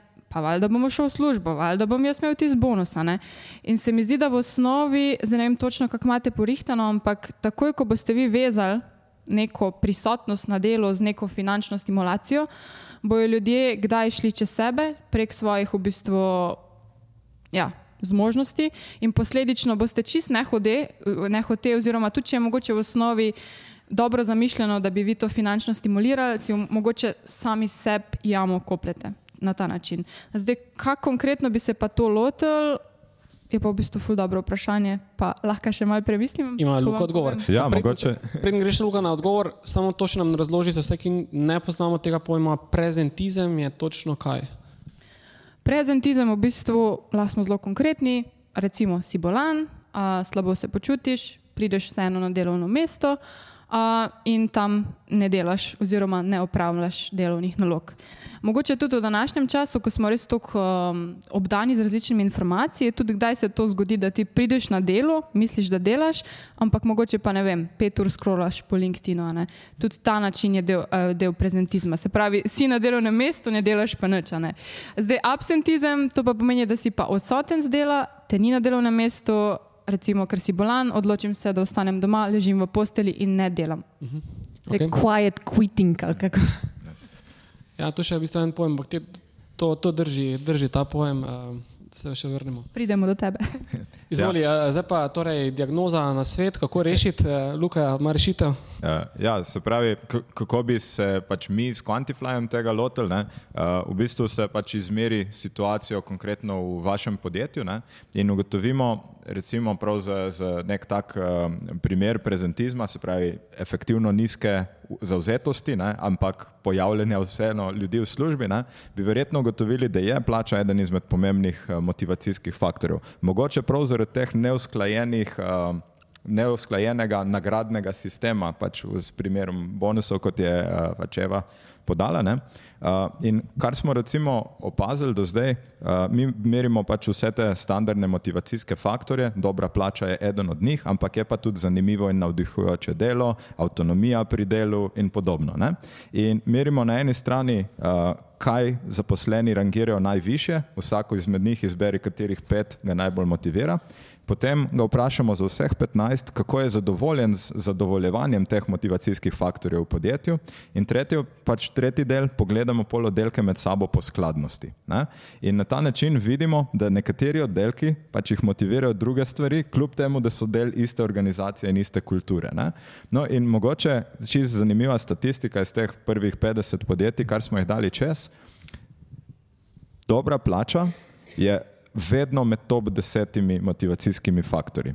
Ampak samo v podjetjih z relativno nizkim splošnim zadovoljstvom je med top petimi. To je zanimiva statistika, ki smo jo vsaj pri nas dobili in potem šli iskati, če je to sam slovenski fenomen ali tudi širši in gotovili, da je tudi širši v bistvu. Ne? Zanimivo navdihujoče in pomembno delo je praviloma med top petimi. Uh, avtonomija je tudi zelo visoko. Ne? In zato pač bi bilo za pogledati pri vas, kaj je razlog tega uh, prezentizma. In jaz bi rekel, da je prezentizem sam simptom, v resnici je močnejši vzrok pomankanja zauzetosti. Pomankanje zauzetosti je pa verjetno posledica bodi si mismanagementa, se pravi nekih patologij, ki se dogajajo na ravni organizacijske dinamike, ali pa neustreznega zadovoljevanja motivacijskih faktorjev, ki so za zaposlene najbolj pomembni. Kaj od tega pa je, bo pa treba analizo naročiti. Super prodaja. Če naročite danes, dobite 50% popusta. Tako je.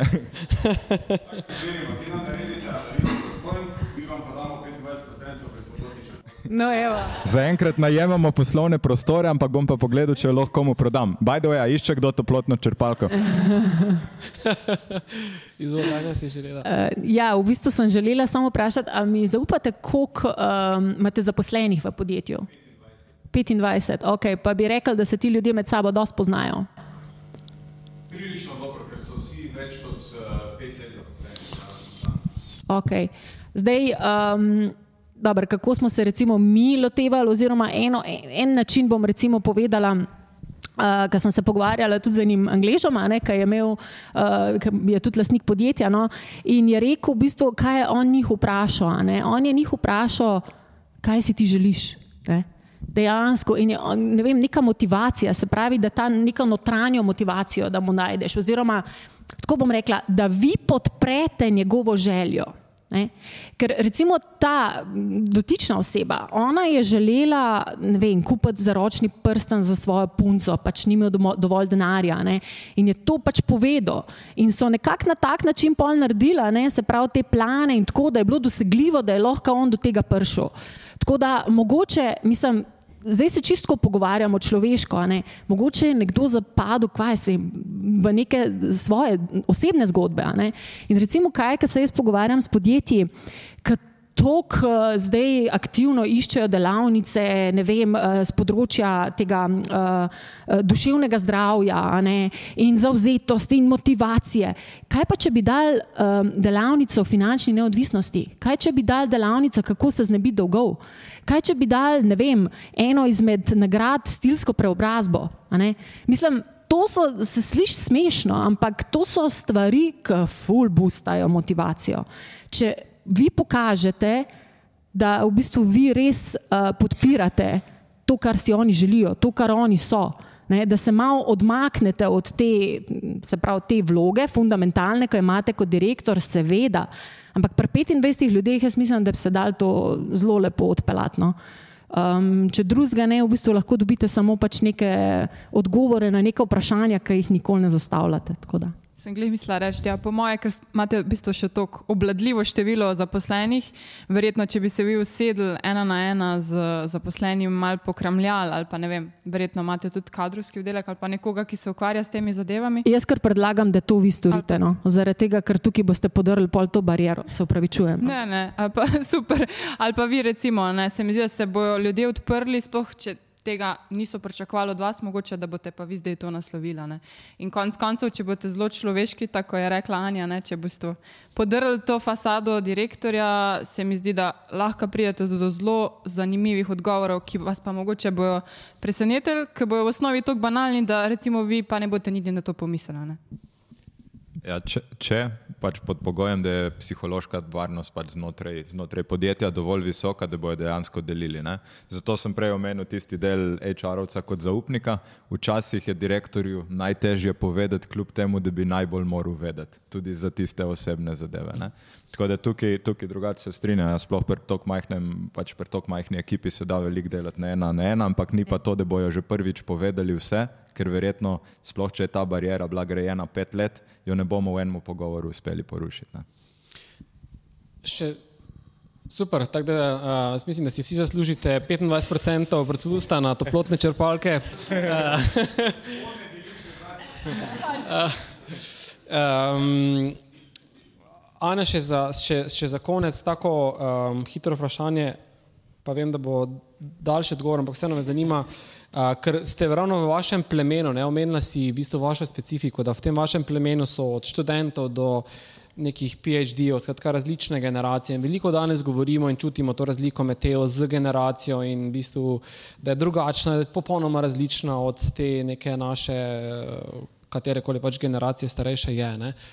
Ali se strinjaš s to tezo, da je v bistvu tako različna, da zahteva um, popolnoma drugačen pristop pri kadrovanju in pri celotnem tem, uh, um, bom rekel, kadrovskem uh, grajenju odnosov, ali je uh, v bistvu to bolj ali manj neka um, uh, zmotno prepričanje, oziroma gre bolj za to, da nimamo ta pravih um, orodij za to ali pa Um, ja, v bistvu je tako, ni, ni, ne moreš reči, da je črno-belo.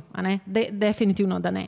Ampak, lej, kakšne so razlike v generacijah, če boš ti zdaj z generaciji pokazal Vokmen ali pa unta star iskra telefona, ne, bojo mislili, kaj je to. Veš, tukaj recimo una generacija bo prepoznala, ta pa ne. Ampak, če se pa ti pogovarjaš, tako kot še enkrat bom po, pač povdarila, če se ti pogovarjaš s človekom kot s človekom, ne, in vsak človek ima neke bom rekla, temeljne potrebe in želje in tako naprej. In če se ti greš na ta nivo, pol ni nobene razlike. Zaradi tega, ker enostavno raz, razlike so samo v glavi. Ne? Kar pa bi pomenila, je pa nove generacije iščejo purpose, iščejo namen, iščejo višji namen. Se pravi, oni bi radi svet spremenili, oni bi radi nek, bili del nečesa velikega, oni bi radi, uh, da jim daš ti nekaj, ne, uh, da bojo koristni. Ne? Se pravi, ne samo, da hodijo v službo in da so sam sebi namen, oziroma da so to orodje, ne, se pravi, human resources, ampak dejansko, da nekaj več naredijo. No. Čeprav jaz sem zdaj, hvala Bogu, v skupini ljudi, ki tudi starejši, ne, se pravi, to so pa ljudje. Pa moram povedati, da jih je vedno več tudi v Sloveniji, ker se pač dosti povezujemo, ker po 30-40 letih korporativne uh, karijere, ne, uh, prihajajo do spoznanja, pismo, to pa ni to, kar jaz, kar jaz nisem srečena, ne? to pa ni to, jaz hočem nekaj več, ne? nekaj drugače, jaz iščem namen. Pa ima, pa ima, ne vem, milijone na računu, ampak če ni tega namena, boš prišel enkrat do točke, kdo pa sem jaz, kva pa jaz podelim, kva sem pa jaz sploh naredil. Če me jutri ne bo, kva sem pustil za sabo. A je to sam, ne vem, eh, nova Tesla v uh, garaži ali je tudi kaj drugega. In mm. to na koncu šteje. No. Mm. Cool. Hvala lepa. Um, hvala lepa vsem, da spreminjate naš svet na bolje. Um, želim vam uspešno pri uresničevanju vaših vizij in ciljev. Uh, upam, da se kratkem, oziroma ob naslednji priložnosti tudi vidimo, da čez eno leto, čez dve leti, ko bomo znova tukaj, uh, bomo um, prepričan sem, da opazili velike napredke, ne samo na vaših rešitvah, ampak tudi v bistvu v svetu kadrovanja, če se tako izrazim. Uh, hvala, da ste bili naši gosti in velik aplaus si uh, zaslužijo. Hvala za povabilo. hvala. Ti je bilo všeč? Da ne boš zamudil novih epizod, klikni subscribe. Veseli pa bomo tudi tvoje ocene, komentarje in delitve, da za nas vedo še druge radovedne glave. Pobrskaj po naši bogati zbirki pogovorov, gotovo se v njej skriva še kaj zate. Se slišimo?